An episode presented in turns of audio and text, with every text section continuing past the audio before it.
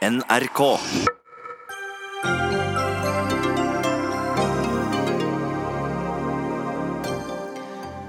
Det er blitt vanlig at når en statsråd uttaler seg, så er det på vegne av eget parti og ikke på vegne av regjeringen, sier LO-sjefen. Han kaller Solbergs ministre for privatpraktiserende statsråder. Gamle, klassiske seilbåter selges ut av Norge. Som å selge ut stavkirkene til høystbydende, mener lederen av Trebåtfestival. Norsk redaktørforening mener at deler av kritikken av VG er intetsigende moralisme. Såpass får vi tåle, mener redaktør. Og SV vil kaste ut alle kommersielle barnevernaktører. De er der fordi vi trenger dem, svarer Høyre.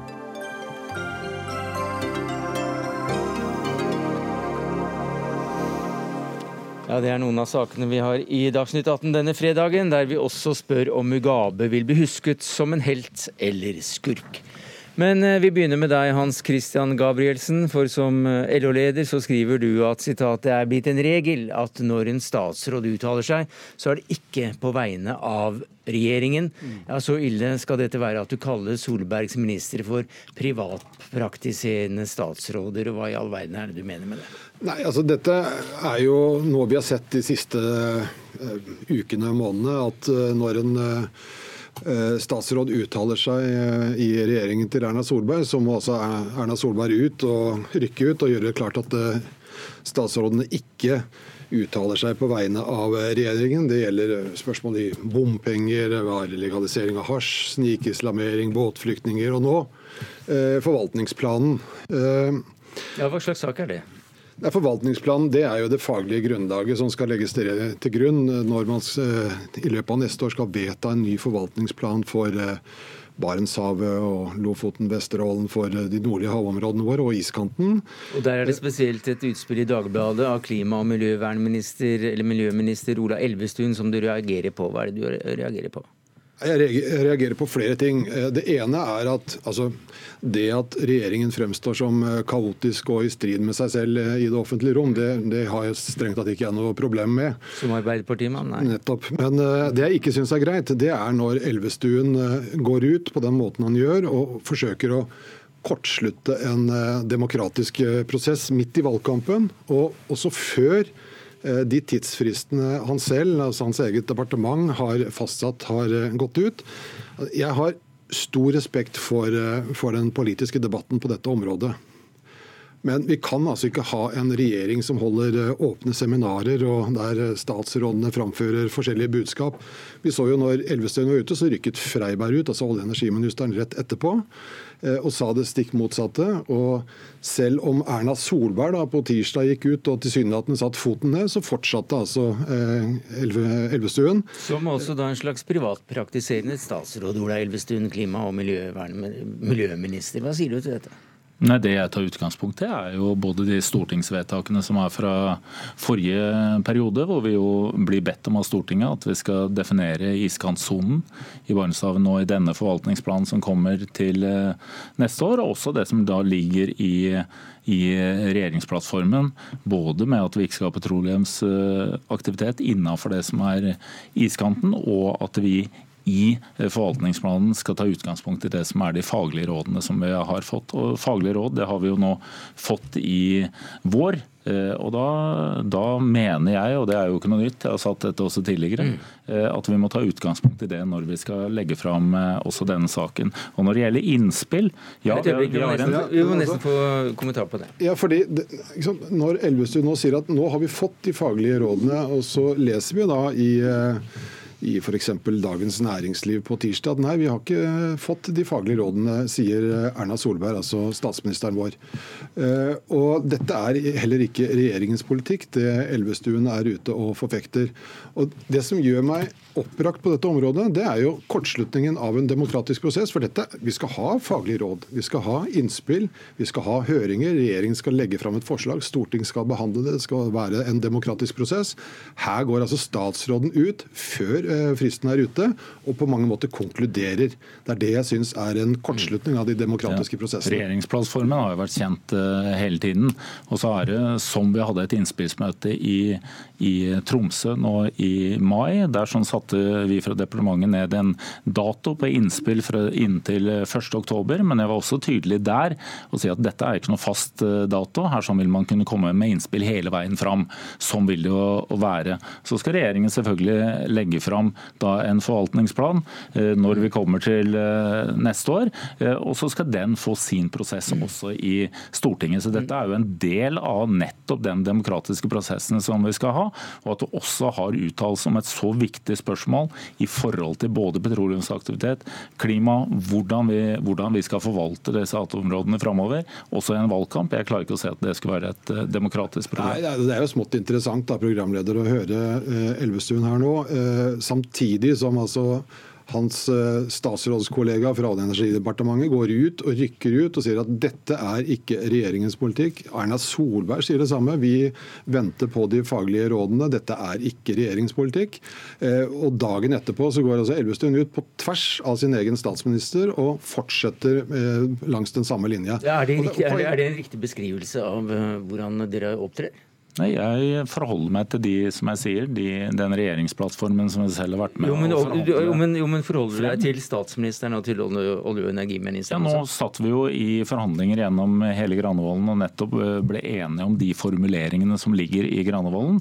Og det vil legge, ligge til grunn for også den behandlingen som regjeringen skal ha, og som vi så skal legge, legge fram til uh, neste år. Ja, altså, her, jeg bare refererer hva statsministeren selv sier. Hun sier sier at regjeringen fortsatt venter på de faglige rådene, så her har vel først og fremst nei, du og statsministeren noe å snakke om? Nei, du har Det faglige forum har lagt fram sitt råd, det kom i vår. Og så har vi selvfølgelig, tar vi selvfølgelig mot innspill i hele denne perioden. Vi satte en dato 1.10, men var også tydelig i det innspillbøtet som vi var på, at dette er innspill som kan komme også etter 1.10. For dette er selvfølgelig en kontinuerlig behandling fram til du skal legge det fram.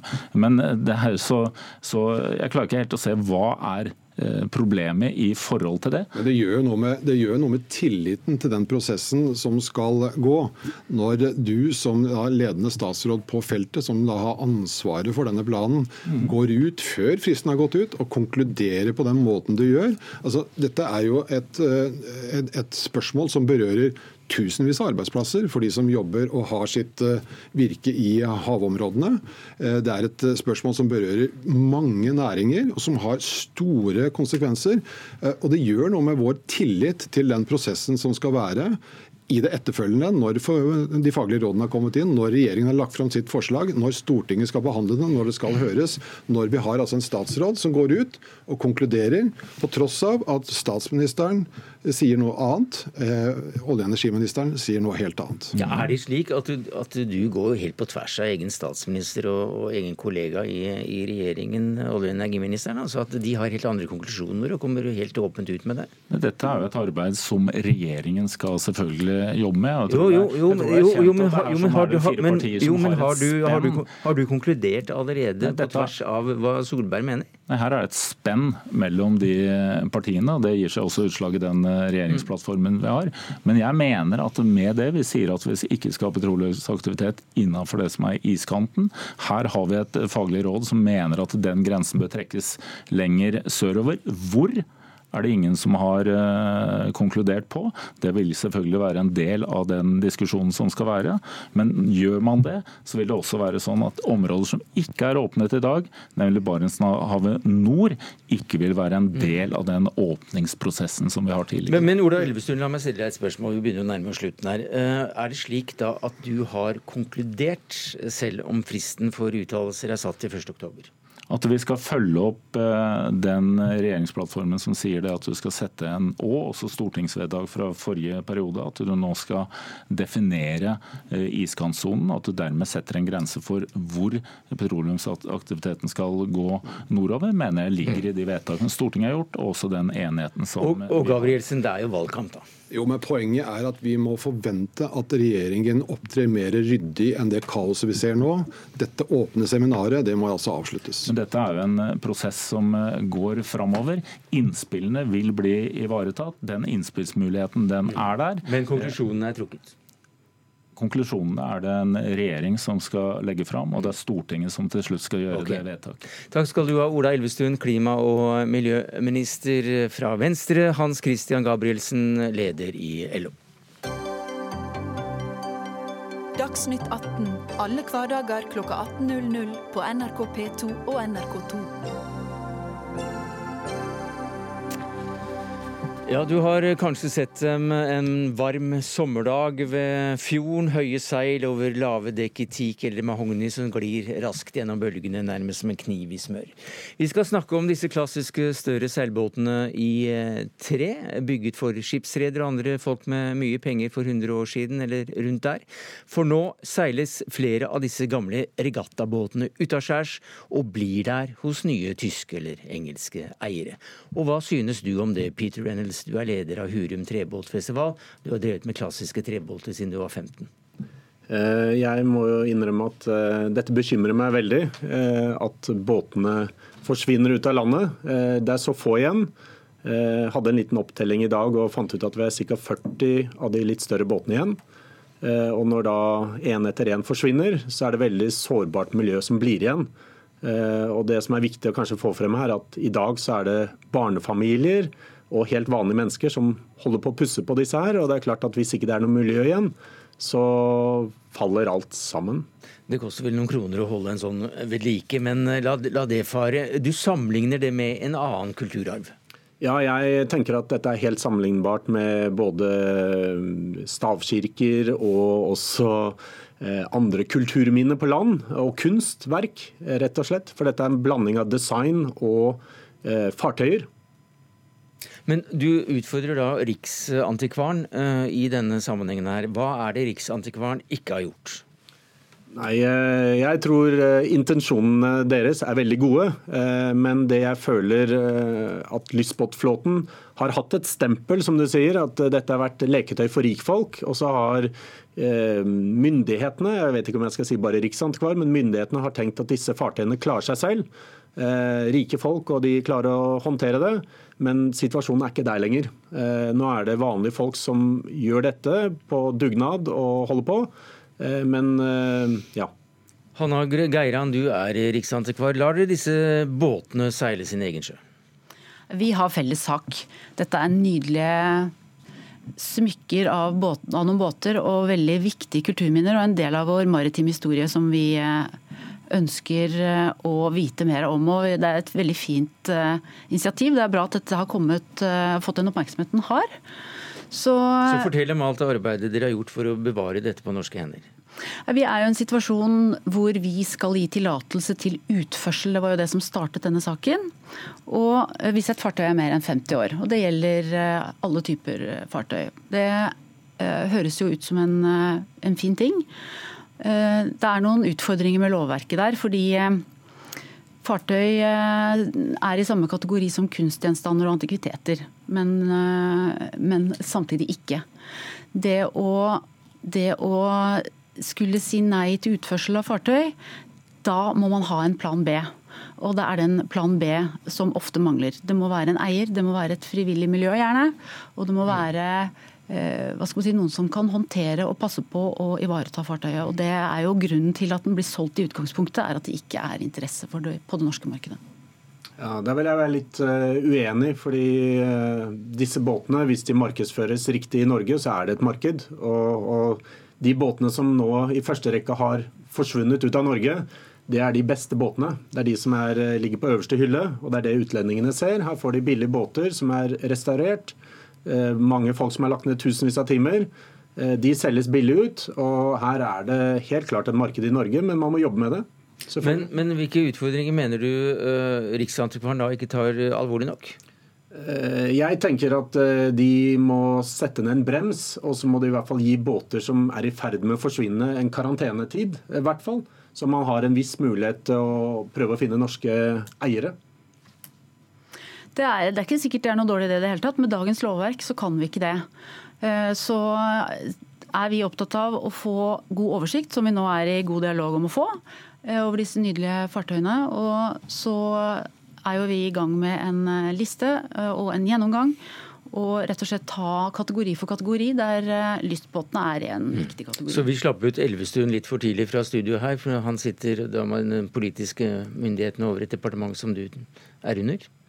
Det er riktig, det. Eh, det er Klima- og miljødepartementet som mm. Eh, bl.a. bevilger midlene til fartøyvern i Norge. Men en slags karantene, sier du. Er det det som da kan være løsningen? Er det andre tiltak? Eh, karantene er en veldig god løsning, eh, for da setter du fokus og spissing av å finne norske interesser. Men det går ikke an slik lovverket er i dag. Er det andre muligheter? Eh, andre muligheter, det, mm, De kan stille krav i forhold til markedsføring før et salg av båtene. At du må ha holdt på så og så lenge, i hvert fall i Norge, før du får lov å selge den ut. Det er en, en helt grei måte å gjøre. Ja. Gode ideer mottar vi veldig gjerne med takk. Vi eh, hos Riksantikvaren har jo oppgaver knyttet til fartøyvern som er litt annerledes. Men eh, vi ser at eh, det er veldig flotte og viktige mm, fartøy. Ikke bare lystbåter, men også andre kategorier som går ut av landet. Så dette er noe vi ønsker å gjøre noe med. Du, det er en båt som heter Erna Helena. Det er en, eh, en skik, et skikkelig bra fartøy som, eh, der prisen ligger på 4 millioner kroner på båtnettstedet Yacht World. Og den er solgt, og den er solgt til utlandet. Skjønner du at det ikke er marked da for, eh, for slike båter i Norge? Nei, det gjør jeg ikke. Og det har vært interesse. Den båten har jeg faktisk vært med å selge tre ganger før i Norge. Så det er et marked for å også kjøpe den. Men den har jo hovedsakelig vært markedsført i utlandet og ikke i Norge. Men hva kan Riksantikvaren da gjøre med dagens uh, lovverk for å uh, stagge interessen for oss, eller muligheten for å selge, til utlandet? Nei, jeg tenker at de må ha, vise miljøet at man må klare Ja, man må jobbe for uh, å først jobbe for å selge i Norge. Selvfølgelig finner du ikke norske kjøpere over en tid så må man selvfølgelig Det viktigste er at båtene kommer i gode hender. Det er ikke nødvendigvis at de må være her. For Det du sier som riksantikvar, det er at du, ikke, du har ikke det rette lovverket for å hindre at eh, sjøens havkirker da seiler eh, og blir der ute? Vi er i en situasjon som er ganske krevende, rett og slett fordi det står at vi skal gi tillatelse til utførsel. Hvis vi sier nei, så er det sjelden en plan B. Og vi er ikke et kulturhistorisk rederi som kan eh, kjøpe og selge båter og, og, sørge for at de blir tatt vare på. Så vi er jo avhengig av et frivillig miljø. Når det gjelder Erna og Helena, så er det jo gode nyheter i den forstand at det er interesse. Det er kjempeflott. Supert. Eh, men eh, det er altså en, vi må ha eierskap og vi må ha frivillig, gjerne frivillighet knyttet til fartøyvernet. Det ser vi jo at det er. Det er jo en fantastisk eh, gjeng som jobber med fartøy i Norge. Og, og vi er nødt for å ha et, en rigg rundt båtene for at de skal bli tatt vare på.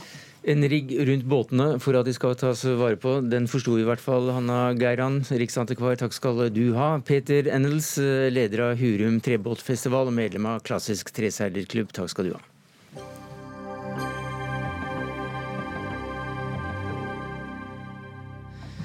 Inga Marte Thorkildsen, hvorfor vil du som SVs byråd for oppvekst i Oslo kaste ut alle kommersielle barnevernaktører i løpet av 2021? Grunnen til at vi ønsker et eh, heloffentlig barnevern i samarbeid med ideelle barnevernsinstitusjoner, det er fordi, det er særlig tre grunner da, for å dra gjennom de. Det første er anbudsregimene, som eh, svekker tryggheten til både barn og ansatte i barnevernsinstitusjonene. Eh, det andre er ehm, at eh, profitthensyn svekker tilliten til barnevernet som sådan. og Barnevernet er i en tillitskrise, så det er noe som burde berøre oss alle sammen. Når noen eh, kan gå med voldsomme overskudd og gjøre seg rike på barnevern, så er det noe helt særegent. Eh, og så vil jeg også ta opp en ting til, og det er risikoen for at inntjeningshensyn på kort eller lang sikt kan gå på bekostning av kvaliteten for barna.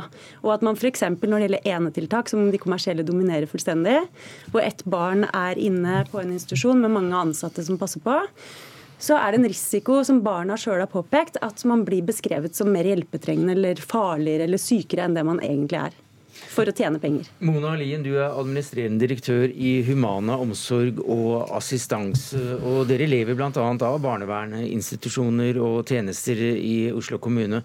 Gjør dere ikke en god nok jobb? Ja, Dette handler jo ikke om å gjøre en god jobb eller ikke. For jeg er sikker på at eh, alle er enig i at det er ikke kvaliteten det står på når det kommer til, eh, til de private. Så jeg syns jo det forslaget som kommer opp her er ganske dristig. Så lenge de private faktisk står for en tredjedel av alle de tjenestene som kjøpes av Oslo kommune.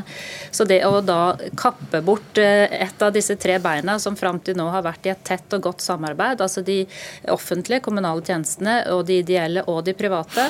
Vi har sammen bygget opp gode barnevernstjenester gjennom veldig mange tiår. Så jeg syns det er et, et, litt spesielt forslag. Men vi, vi, hører her at eh, byråden da sier at eh, profitthensyn må bort. og Hva tjener dere på barnevern? Barnevern er et eh, eksepsjonelt krevende felt å jobbe i. Det er veldig usikkert, og det er store vansker hos disse barna som kommer til oss i det private. Så eh, jeg vil anslå at vi kan ha et overskudd, som da er et litt annet ord enn profitt, på kanskje mellom 2 og 5% litt avhengig av hvilket år og hvilke utfordringer vi er utsatt for. Mellom 2 og 5% er ikke så mye? Um, nylig så kom det en undersøkelse fra De Facto som viste at gjennomsnittlig lønnsomhet er på ca. 22-23% og overgår alle andre bransjer i Norge. Og det var et overskudd hos de kommersielle eh, barnevernsinstitusjonene, eller de selskapene, da, i 2016 på 270 millioner kroner. Og jeg tenker mye på det, hvordan det må oppleves både for barn som har måttet flytte ut av hjemmene sine fordi de ikke får det de skal, ikke sant, til et sted som de ikke er helt sikre på at har har barnets mm. beste som, som overordna hensyn over alle andre hensyn, eller for de foreldrene som da mister omsorgen til barna sine, mm. og ser at noen da tjener seg styrtrike på, at, eh, på, egentlig på deres katastrofe. Mona Lien, det ligger mye penger i dette? Ja, altså De tallene er jo hentet eh, fra et eller annet underlig sted som handler om alt annet enn barnevern. i hvert fall. Her må man ha putta inn tall som kanskje kommer fra helt andre typer tjenester. Eh, de, den, eh, de overskuddene finnes ikke i, i, barnevernsarbeid, og det skulle bare mangle også. Vi leverer jo på, på anbud. Det er strenge reguleringer her. Altså vi, vi, blir bedt om å levere en tjeneste, også fra Oslo kommune, som er faktisk veldig dyktige på det å skrive anbud og være oppdragsgivere. sånn at eh, de ville jo aldri akseptert en sånn det, det, det, ligger også en politisk eh, klar debatt her, for dette dreier seg jo om prinsipper. James Stover Lorentzen, du er komitéleder i helse- og sosialkomiteen for Høyre. Hva sier du til det at det ikke skal tjenes penger på dette her, slik at alt sammen skal tilbake inn til kommunen? For det første så må vi kunne si at det er riktig at bedrifter tjener penger. Det er ikke noe galt i å tjene penger. Og det er som det ble sagt her, at eh, disse anbudsinnbydelsene de er veldig eh, spesifiserte. Det dreier seg om at vi i kommunen setter kriterier for bemanning, kompetanse, fagdekning og faktisk siste linjen i det anbudet, det er profittmargin. Og Der skriver selskapene inn 5-6 slik at de tallene som vi får fra byråden, de er ikke lett å gjenkjenne. Og hvis vi går inn og ser på regnskapene til disse, og de er tilgjengelige Dette er norske selskaper som leverer sine resultater til Brønnøysundregisteret, kan gå og hente resultatene. Det er ikke så store marginer som det her hun påstår. Jeg kan ikke forstå hvorfor vi trenger å ha markeds- og konkurransehensyn i barnevernet i det hele tatt. Og jeg tror at vi er nødt til å ta inn over oss den tillitskrisa som barnevernet er i. Jeg ser på sosiale medier foreldre som er søkk fortvila i utgangspunktet for at de har mista barna sine. Den tilleggssmerten det er når de ser at her er det også et marked eh, hvor deres barn på en måte blir inntektskilde for kommersielle selskaper som tjener seg styrtrike, den er, den er sterk. Og det bidrar også til ganske kraftige konspirasjonsteorier. Men jeg er veldig glad for... man nesten høre en kommentar. Ja, det er ikke sånn det eh, fungerer. Jo, sånn eh, fungerer det. Det er arrangert på den måten at kommunen har sin egen barnevernstjeneste. Og så eh, er det ikke sikkert at de barna får akkurat den kompetansen og den erfaringen på de stedene. Det er ikke alltid kommunen kan tilby det. Da kan man gå til de ideelle organisasjonene som har lang erfaring med dette. Og de har sine spesialiteter. og Det kan være at de har tilbud som er utenfor byen f.eks., som kan være en fordel. Og så har de kommersielle andre eh, kapasiteter. Det viktige er jo hva som er best for barna. Det er barnas beste som, som eh, avgjør dette. Og hvis barna er fornøyd og det fungerer for barna, Da er det det som avgjør, og ikke hvem som eier institusjonen. Og Det har vært også min bekymring. Det er derfor jeg har vært litt tilbakeholden også med å si at vi skal fase ut alle kommersielle. Vi har jo diskutert dette i bystyret også.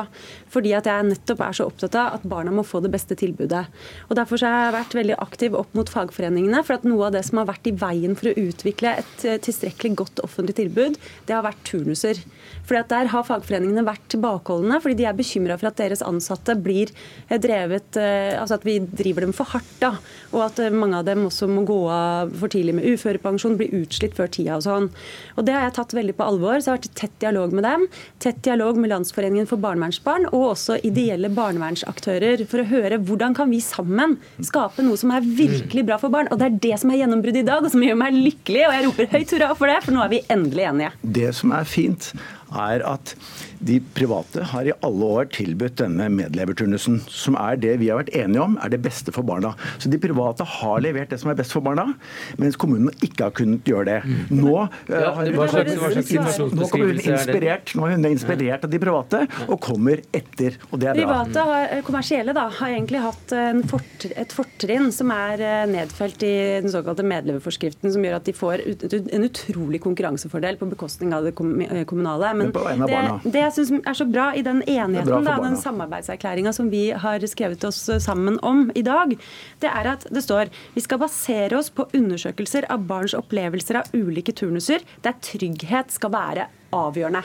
Og så Samtidig så skal vi ivareta hensynet til våre medarbeidere. Dette er helt unikt. Det har aldri skjedd før. Vi skal sette oss rundt et bord med barn som er i barnevernet på den ene sida, våre medarbeidere som er i barnevernet på den andre sida, og finne ut hvordan kan vi lage noe som er virkelig godt, og i samarbeid med ideelle. Det jeg ikke liker med å bare gå tilbake til begynnelsen til byråden, da, så kommer hun med tre grunner. Og det er at Hun viser mistillit til de private. Men det som er faktum, er at de siste året, de som virkelig har hatt skandaler innenfor dette feltet, det er på Vestlandet, det er på, i Trøndelag, og det er vår egen eh, tjeneste i Oslo, som har fått sterk kritikk, og alle sammen er offentlige tjenester. Jeg sier ikke at de offentlige tjenestene er dårlige, jeg bare sier at der hvor det har vært en tillitskrise, hvor det virkelig har vært problemer med å måtte måttet må stenge ned, så er det faktisk i det offentlige. Og denne tillitskrisen vi, det Bare nyansere det, for Noe av det som blant annet er veldig kritisk innenfor barnevern, det er de såkalte enetiltakene. Som sagt, hvor barn er alene, og så er det mange ansatte som passer på dem. Eh, Der har de kommersielle de dominerer det markedet.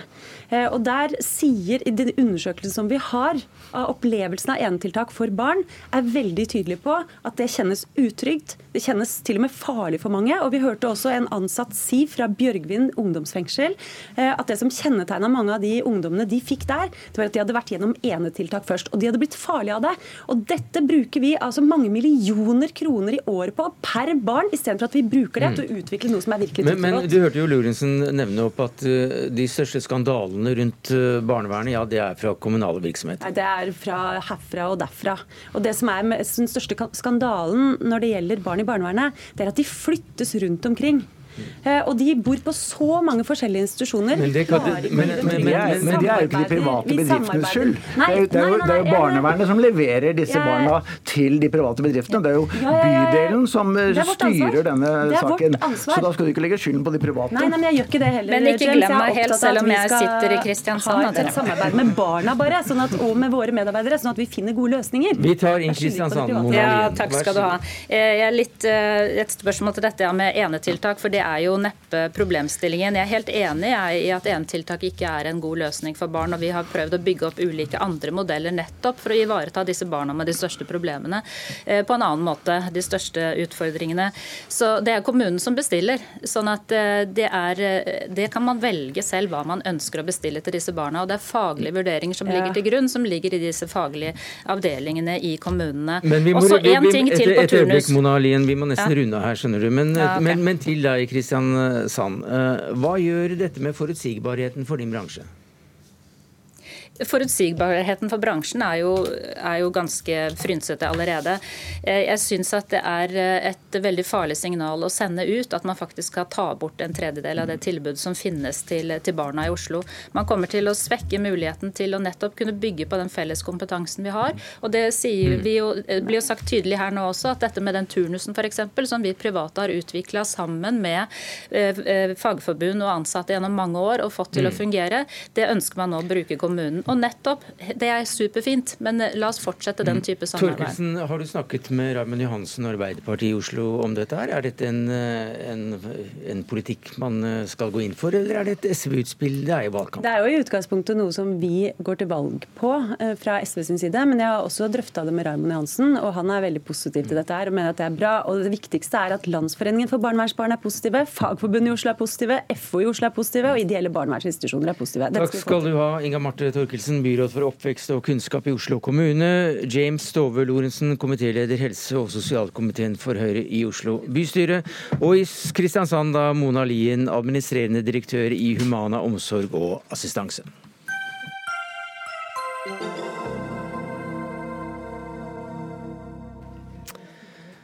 Ja, Robert Mugabe er eh, død etter lengre tid med skrantende helse. Han døde på en av sine mange helseturer til Singapore, 95 år gammel. Afrikakorrespondent Ida Titlestad Dalbakk, har det vært sørgemarsjer eller full fest i Harares gater i dag?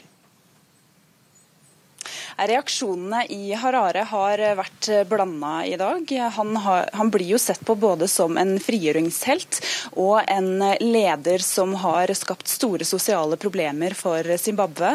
Generelt så er befolkningen nå glad for at Robert Mugabe eh, ikke er leder lenger, og at han nå en slags æra er eh, over.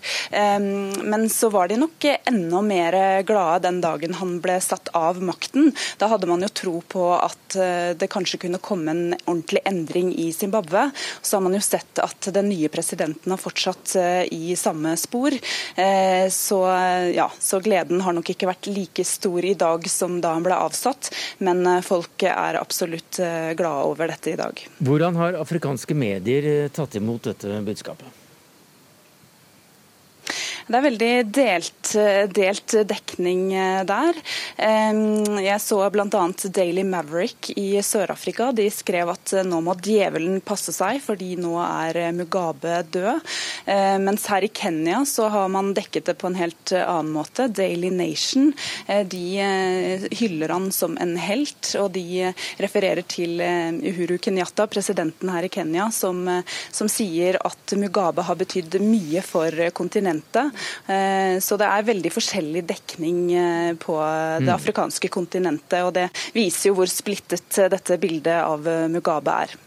Anne Hellem, du er professor ved Institutt for offentlig rett ved Universitetet i Oslo. Du kjenner landet godt som gjesteforeleser. Du har bl.a. bygget opp et regionalt senter for kvinner og menneskerettigheter. Robert Mugabe, helt eller skurk? Begge deler. Mm. Da Mugabe eh, vant eh, valget i 1980, etter eh, ti års frigjøringskamp, så vant han jo med et stort flertall. Men han hadde samtidig geriljastyrkene stående oppmarsjert. Og han har uttalt at 'the gun and the vote' det er det er the recipe. Og det er en, en oppskrift som han har fulgt fra han kom til makten i 1980 til han gikk av i 2017. Eh, valgene har vært preget av eh, fusk og vold i ulik eh, grad. Mye vold og mye fusk i tiltagende grad, ettersom oppslutningen ble mindre. Men det er klart, i første fase Eh, de første ti årene eh, så hadde han et sosialt program. Det var landreformer, det var tildeling av jord til fattige småbønder, det var støtt, økonomisk støtte til fattige småbønder, det var oppbygging av skolevesen, skole for alle, det var helse, og det var økonomisk fremgang. Og, så dette, dette, vil han jo også huskes for. Eh, det andre han vil huskes for i denne første fasen, som har med vold å gjøre, det var jo da å lage politisk enhet. Eh, det var vanskelig å få til med to stridende partier, som også hadde vært frigjøringsgeriljagrupper, som også hadde kjempet mot eh, hverandre.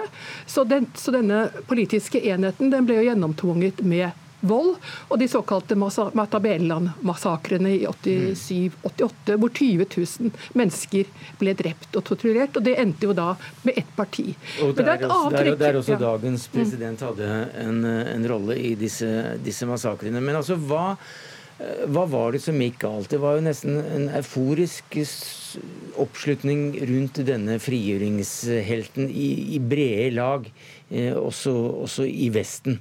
Eh, mm. hva var det som gikk galt? Vel, eh, det, den politiske oppslutningen ble mindre. Det gikk dårligere økonomisk. Han på 90-tallet og 80-tallet og 90-tallet og utover, eh, så begynte han å gjøre grep for å sikre sin politiske eh, støtte blant militære, blant frigjøringshelter, blant, eh, blant, blant tradisjonelle ledere, for å sikre seg den politiske store grep i økonomien og som også førte til økonomisk nedgang. Men samtidig så kom jo også disse, disse diktatene fra IMF og pengebanken, eh, som også påvirket eh, økonomien. Da, og, da, og, disse, og, da, var det diskusjon. Da fikk han mye kritikk, og, og særlig fra fagbevegelse, fra journalister, eh, fra de som arbeidet for ytringsfrihet osv. Og, så og mye av disse konfliktene de gikk jo for domstolene, hvor han tapte. Og, slik at det bygget seg opp gradvis med mer og mer motstand, dårligere økonomi, eh, mer og mer grep for å sikre støtte økonomisk. Og Dette kulminerte jo da i en folkebevegelse som ønsket mm. da en ny grunnlov. Og, og, og den folkeavstemningen, den tapte han. Så 2000, det var på en måte det store vendepunktet. Og da bodde du der, Ingil Solholm. Du er grunnlegger av hjelpeorganisasjonen, heter det. Sabona. Du, du, bodde der fra 1999 til 2008. Eh, mm. Hvordan opplevde du dette veiskillet rundt år 2000? Også det var jo en tid hvor eh, både MDC, også opposisjonspartiet, ble grunnlagt. Landreformen var satt i gang. Eh, det var Altså, politisk så var det jo en eh, altså, kjempevanskelig eh, periode for lokalbefolkningen. Eh, det var en ordentlig fryktkultur. Eh, det ble en eh, Altså ble du som organisasjon eh, tatt for å Eller de kunne tro at du var opposisjonspartistøtter. Eh, det var jo en av grunnene til at veldig mange organisasjoner trakk seg ut på dette tidspunktet. Ja, Hvordan var hverdagen til folk etter hvert? Etter hvert så, så, var det jo både mangel på, på, mat eh, Det var jo ikke-eksisterende transport. altså Vi kunne gå månedsvis uten eh, bensin. Så, så, man kom seg jo ikke fra A til B. Lærere var jo strandet køer. Eh, man sto mye i kø for å kunne ta ut de få dollarene som, eh, som da selvfølgelig ikke holdt til et brød engang. Uh, og dette var da også en tid hvor aids-epidemien herjet, og en tredjedel av lokalbefolkningen altså Det var en brain drain. Veldig mange reiste. så vi mistet jo altså høyt utdannede mennesker som da reiste til Sør-Afrika, England, Um, du, du, du, snakker om eh, lange køer for å få tak i et brød til mm. skyhøye priser. og Vi snakker da om det som blir kalt for Afrikas brødkurv, som altså gikk fra å være en brødkurv til å ikke kunne tilby eh, befolkningen eh, nok mat i det hele tatt. Vi får en beskjed på øret her nå om at eh, president Monagua han har nå sagt at Mugabe er blitt erklært som en nasjonal helt. Mm. Eh, og at eh, det skal være sørgedager helt fram til eh, begravelsen. Men denne presidenten som da sier dette, han blir jo selv dolket i ryggen av Mugabe og, og avsatt som visepresident, og kom tilbake da, og ble utpekt som Mugabes etterfølger, og var med å dolke Mugabe i ryggen. Mm. Tror du på, på, på dette her, at han har så gode følelser for, eh, for Mugabe? Eh, det er klart at eh, For å forstå dette, og for å forstå hvordan Mugabe har blitt sittende med makten, og hvordan Mangagwa har kommet til makten, så må man se på historien. At de var sammen i en, i en frigjøringsgerilja som kjempet en voldelig kamp hvor konflikter mot, mot Rhodesia, mot andre geriljagrupper og internt ble løst ved voldelige midler. Og denne voldskulturen den ble jo tatt med inn i partiet SANU PF, som hadde et veldig nært forhold til det militære. For det militære ble jo en, en slags uh, en, formell, en formalisering av av geriljaen, som da nå ble det nasjonens militærvesen. slik at det var et veldig tett forhold mellom partiet SANU PF og, mm. og, eh, det militære, både politisk og økonomisk. Så det er klart at Mugabe han, han, han, støttet seg jo på det militære, og det militære ønsket han i veldig lang tid, fordi han var en god eh, representant for dette skinndemokratiet. Og det militære hadde veldig sterke interesser økonomisk eh, gjennom, gjennom at de ble tildelt jord de ble, fikk gode konsesjoner og ble en del av handel, ulovlig diamanthandel både i Kongo og i, i, sitt eget land. Så de har et veldig sterke økonomiske interesser av sitte. Så, så da selvfølgelig Mugabe eh, ble mindre legitim internasjonalt, og, og alle splittelsene skjedde, eh, så, var, så, var, det vel, helt nødvendig for det militære å sikre, altså for å sikre kontinuitet og makt og utnevne en person som, hadde, som, som ville være lojal i forhold til det militære president. Det, dagens det var også det militære som avsatte Mugabe, ja. hvis vi ikke mm. nevnte det. Men helt til slutt.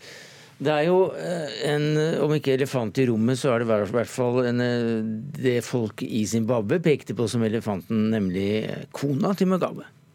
Ja, jeg vil vel si at uh, disse strukturene, altså både innen voldskultur og militære, er, er nok en mye sterkere økonomisk og politisk struktur enn den personlige eh, makt eh, som Robert Mugabe og hans kone mm. eh, Grace har. Eh, så det er klart jeg syns nok mye av den teoretiseringen rundt eh, Mugabe og hans makt, og selvfølgelig i forhold til eh, Grace, hans kone Noe er det selvfølgelig mm. i den, men, men, det er bare veldig viktig å ha noen mm. mer systemkritiske analyser her, og ikke bare se på det personlige makt. Men systemkritiske analyser det har vi fått her takket være deg, Anne Hellum, professor ved Institutt for offentlig rett, og Ingvild Solum eh, Solholm, grunnlegger av Sabona. Takk skal dere ha. Hør Dagsnytt 18 når du vil. Radio NRK Radio.nrk.no.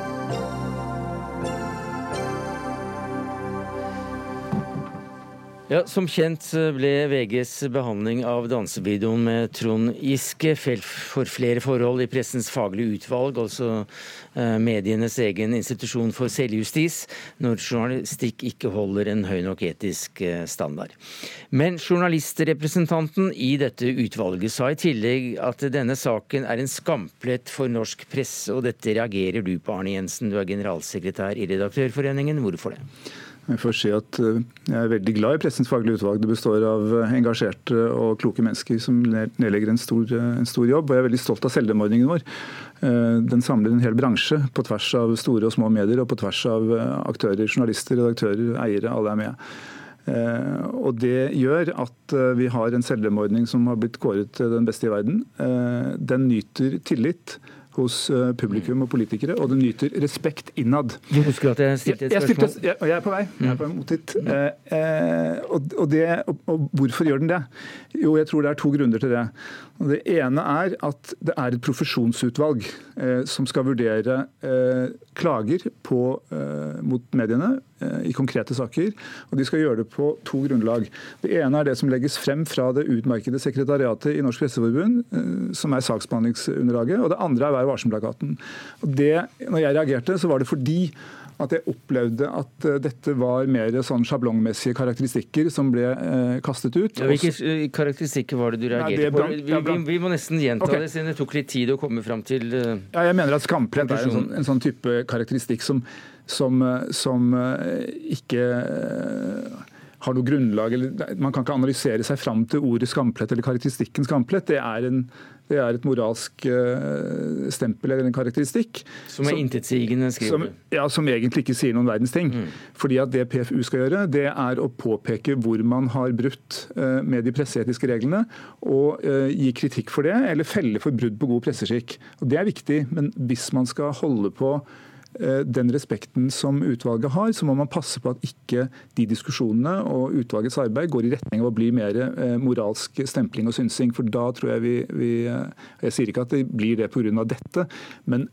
i denne saken så fulgte disse uttalelsene og karakteristikkene med ut i det eh, offentlige ordskiftet og ble premissgivende for mye av debatten etterpå. Ja, og Det bør journalister holde seg for gode til, skriver du. Altså Journalister bør holde seg for gode til å stemple kollegers arbeid som da f.eks. skamplett. Ja, Det må de jo gjerne gjøre i ulike uh, fora, men jeg mener at i Pressens faglige utvalg så skal vi passe på at den debatten uh, er ganske presis opp mot det som er klagegrunnlag og opp mot punkter i Vær varsom-plakaten.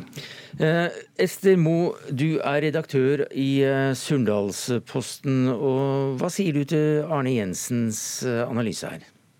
Suldalsposten, hei. hei. Eh, mitt engasjement for eh, denne sak, og den begynte egentlig med at jeg syns det var litt tannløst av uh, PFU, uh, som skal ha en holdning til både etisk og faglig standard, står det om de sjøl. og jeg tenker at når du har alle betene på bordet, eh, veldokumentert om hva som foregikk i denne dansevideosaken, som ble så ulykkelig, eh, så tenker jeg at da er selve sluttstykket eh, å ta analysen eh, som Liv Ekeberg ville. Eh, det er henne vi snakker om, som satt i PFU, er journalistrepresentanter, eh, som sier at det her er kampanjejournalistikk.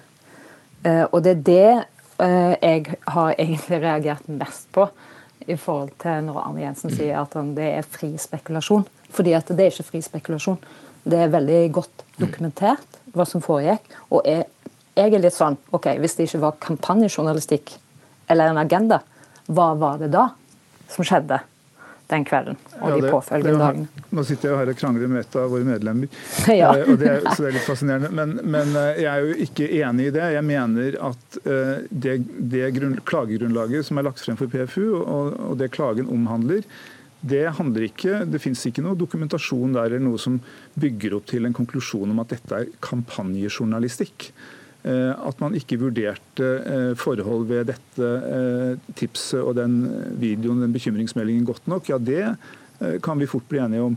Men det handler om det journalistfaglige, ikke om at man hadde en bevisst kampanje i gang. Det mener jeg at det fins ikke grunnlag for å si. Der er du og jeg Esther, antageligvis uenige og vil trolig fortsette å være det, men, men, mm. jeg mener altså ikke at det er grunnlag for det. Og, det. og da mener jeg at utvalget skal være forsiktig med å dra frem det og ikke minst putte det inn i sin offisielle og formelle mm. uttalelse. Mm. Mens jeg syns det blir for nærsynt og for detaljistisk å bare forholde seg til altså, de punktene som er, omhandler dårlig kildebehandling. fordi at det, eh, det syns jeg jo at det var, men konsekvensene av denne saken handler om mer enn det som skjedde for Sofie. Jo, men Det, det, jo, det kan godt hende, og det er godt mulig er en viktig Altså Demokrati i f.eks. Trøndelag Arbeiderparti. Sånn? Som hadde, som hadde fatta et vedtak om et kandidatur. Mm. De måtte jo bare kansellere det samme kveld. Jo, men Nå vet jo verken du eller jeg akkurat hvordan man resonnerte i Trøndelag Arbeiderparti. Det kan jo hende at noen i seg selv syns det var eh, ikke helt eh, enkelt at eh, Trond Giske var ute og, men det var landa. Og, og, og, og, drakk øl med lederen i valgkomiteen. Men, men, eh, men, poenget mitt er at dette er ting som ikke var en del av elementene i klagegrunnlaget. og Da kan ikke utvalget etter mitt syn begynne å gå inn og trekke det inn i sin uttalelse. og Da mister man jo også et annet perspektiv, nemlig kontradiksjonen. og Det er et kjempeviktig prinsipp. Eh, Pressens faglige utvalg er ikke en domstol, men noen, men noen jækla ordning må det være. Eh, og mm. En av de ordningene er at innklagede medium skal få anledning til å svare opp for de punktene som man kan tenkes å bli felt på. Og I dette tilfellet så var ikke kampanjejournalistikk noe, noe, noe element i, i klagegrunnlaget. Hva, hva, sier du Ester Mo, til at Redaktørforeningens generalsekretær er ute og mener noe om dette? her da? Altså, Først av alt, selvfølgelig Arne Jensen har ytringsfrihet. Men eh, generalsekretæren i Redaktørforeningen er jo, en, er jo en stor bamse, det må vi jo si. Eh, og da, når han kommer ut og karakteriserer Liv Ekebergs eh, synspunkter om skamplett, eller hennes på en måte vurderinger av dette, som moralisme, så syns jo jeg at det blir litt sånn Nå er vi ute og på en måte refser og strammer litt opp. Og, poen, og, og hans, det du sier, Arne, er jo husk på hva tenker de som på en måte dine kolleger om at du sier sånt? Eh, og jeg tenker jo problemet i utgangspunktet i Presse-Norge er jo at alt er jo ganske tett og nært. Vi kjenner jo hverandre. altså Det er jo kollegaer. Pressen besitter enorm makt. Hvem skal vakte oss? mm. Nei, men, men dette, Hvem skal vakte oss? Men Dette er gode poenger. Jeg har ikke noe problem med å se. Eh, og det er, det er, sunt at folk stiller spørsmål ved hvorvidt generalsekretæren i Redaktørforeningen skal ut og mene noe om, om ulike ting som har blitt sagt i Pressens faglige utvalg.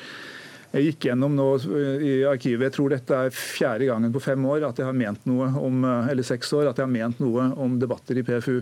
Så Jeg gjør det ikke ofte, jeg prøver å unngå det. Men her ble på en måte den debatten i PFU ble premissgivende for en del av den andre debatten. og jeg kanskje, var kanskje, som noen har sagt, litt eh, rask på avtrekkeren. Det er godt mulig. Men jeg er så glad i den celledemordningen vår og i det utvalget at jeg har lyst til å passe på at de opprettholder den respekten eh, som de har, og holder seg eh, på, på det sporet som, som handler om å, å, være nøye i saksbehandlingen og skape tillit og, og, og respekt. Og det, det, er en, det, er en, slags kjærlig refs, for å si det sånn, selv om den kanskje fremsto som litt skarp. Mm, men du har også reagert på at ja, de du kaller mediesynsere, de krever sjefredaktøren i VG, Gard Steiros, avgang. Uh, og da snakker du vel som, uh, som Gard Steiros uh, forlengede arm og som sjef for en en uh, institusjon som blir betalt bl.a. av VG da, og 699 andre redaktører. Ja, det er nesten det er rundt 750. Både Estemo og, og Gahr Steire er med å betale lønna mi. Så det er klart at jeg sitter jo her og er ren og, og uplettet i noen Jeg prøver å være hyggelig med alle, som du hører. Eh, men, men, eh, ja, jeg har ment noe om det. og Ikke fordi at man gjerne må mene at uh, Gard Steiro burde gå av eller Estemo burde gå av, men jeg forsøkte å redegjøre litt for hvordan er tillitshierarkiet i norske medier, og hva er det som er viktig. Uh, og det er at Redaktøren må ha tillit hos styret, og så må mediet ha tillit hos publikum. Og Det siste kan ikke verken du eller jeg eller Estemo eller, eller PFU bestemme, det er det bare publikum mm. som kan avgjøre. Takk skal du ha, Arne Jensen, generalsekretær i Redaktørforeningen. Takk til deg, Ester Moe, redaktør i Suldalsposten.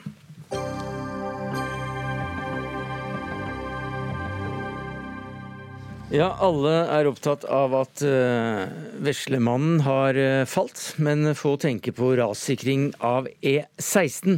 Ja, Det mener i alle fall ordføreren på Voss. For strekningen mellom Bergen og Voss er kåret som Norges verste vei, og forrige uke var en trailersjåfør sperret inne i en tunnel i over tolv timer pga. Nettopp ras. Hans Erik Ringkjøb, du er ordfører fra Voss fra Arbeiderpartiet, og du kaller E16 en skamplett for norsk samferdselspolitikk. Hva legger du i det? Nei, Det jeg legger i det, er jo at uh, vi har en situasjon der uh, hver eneste dag så reiser det folk ut på denne veien, og da er de utrygge. De kvir seg for å, uh, for å reise. Og det er når de skal på skolen, til arbeid, på fritidsreise osv. Og Det handler rett og slett om at denne veien som, som du er inne på, er blitt eh, kåra til Norges verste vei. Og det er altså en europavei mellom eh, våre to største byer. Og det skal jo være en vei som vi skal være stolt av. Og Parallelt går jo òg Bergensbanen, som vi òg er stolte av. Og Begge to er i så dårlig forfatning at det bør skrotes og bygges helt nytt. Og da eh, haster det med tiltak. Så det er en skamplett rett og slett fordi vi ferdes Eh, i frykt for eh, både våre egne og andre sine liv. Og det er tidvis russisk rulett når du kjører på denne eh, veien. Ja, hva etterlyser du da fra samferdselsministeren? Nei, Det jeg etterlyser, det er jo at samferdselsministeren står fram og tar på en måte eierskap til dette prosjektet. Ikke bare deler av det, men hele prosjektet, og ser hva utfordringer vi faktisk har på strekningen mellom Arna og, og Voss. Og Da kan han gjøre noe i forhold til både planlegging, komme med, med, midler for å gjøre ferdig første byggetrinn osv. Så, videre. så her er det mange ting som kan gjøres for å få raskere mm. framgang. Mm. Jon Georg Dale, der fikk du en oppskrift på hvordan han blir populær på Voss, i hvert fall, som samferdselsminister? Ja da, og det, det er jo, jeg er jo helt enig. i Standarden på E16 er for uh, dårlig. Og det er fortsatt store oppgraderingsbehov også på Bergensbanen. og det, det er vi jo i gang med. Vi må huske på at det er ikke så mange år tilbake vi ikke engang visste hvordan vi skulle håndtere utbygginga. Da gjorde vi trasévalg, såkalte K5-alternativet, som gir full utbygging av E16 og jernbaneutbedringene parallelt. Men nå var det snakk om, nå, nå var det snakk om rassikring og å ta ja. eierskap over hele dette prosjektet. Ja, og det er det jeg nå forteller. Mhm. For det vi da gjorde, det at vi valgte altså para, vi valgte en løsning som er den mest kostbare, som er den beste langsiktige løsninga, som er den åpenbart tryggeste løsninga. Og det er den vi også er plassert i Nasjonal transportplan, og vi har starta planlegging av. Men alle visste, eh, også når vi gjorde det, at det var den mest kompliserte måten å bygge ut på. Det gjør at vi skal ha optimal framdrift på det prosjektet. Regjeringa har tenkt å realisere det. og Det er jo ikke mer enn tre og en halv uke siden jeg var på Voss og snakka med ordføreren om dette, så han vet jo at vi er på ballen. Ringkjøp. Men vi, men vi vi må, altså vi må høre ordføreren i Moss eh, om dette spørsmålet. Ja, Det er helt rett eh, som samferdselsministeren sier, at eh, K5-alternativet er valgt. og da Det ble jo feira med, med kake og jubel både i kommunestyret på Voss og andre plasser. Men det som er problemet, er jo at når en skulle finansiere dette prosjektet, så var jo da lagt inn i Nasjonal transportplan av eh, fagetatene. Og eh, så tok eh, da regjeringen og utsatte det. Så det er realiteten på den sida. Og det jeg etterlyser er jo òg at Den planleggingen som han snakker om nå, det går jo bare på halve strekket, altså fra Arna til Stanghelle. Mens hele strekket det er jo det som gjelder. Og det som hadde vært veldig smart da, hvis vi skal spare tid, er jo at en planlegger ifra Arna til Voss. Og da kan en begynne å bygge denne veien, som altså er hovedvei og jernbane mellom Oslo og Bergen, fra begge ender, Mm. både for Voss og Arna. Og Da er vi ferdig mye fortere. Og Da viser jo samferdselsministeren at dette er et, eh, en sak som han virkelig vil gjøre noe med. Og Det hadde vært et kjempesignal å sende ut til alle innbyggere i, i vår region, men òg i hele landet.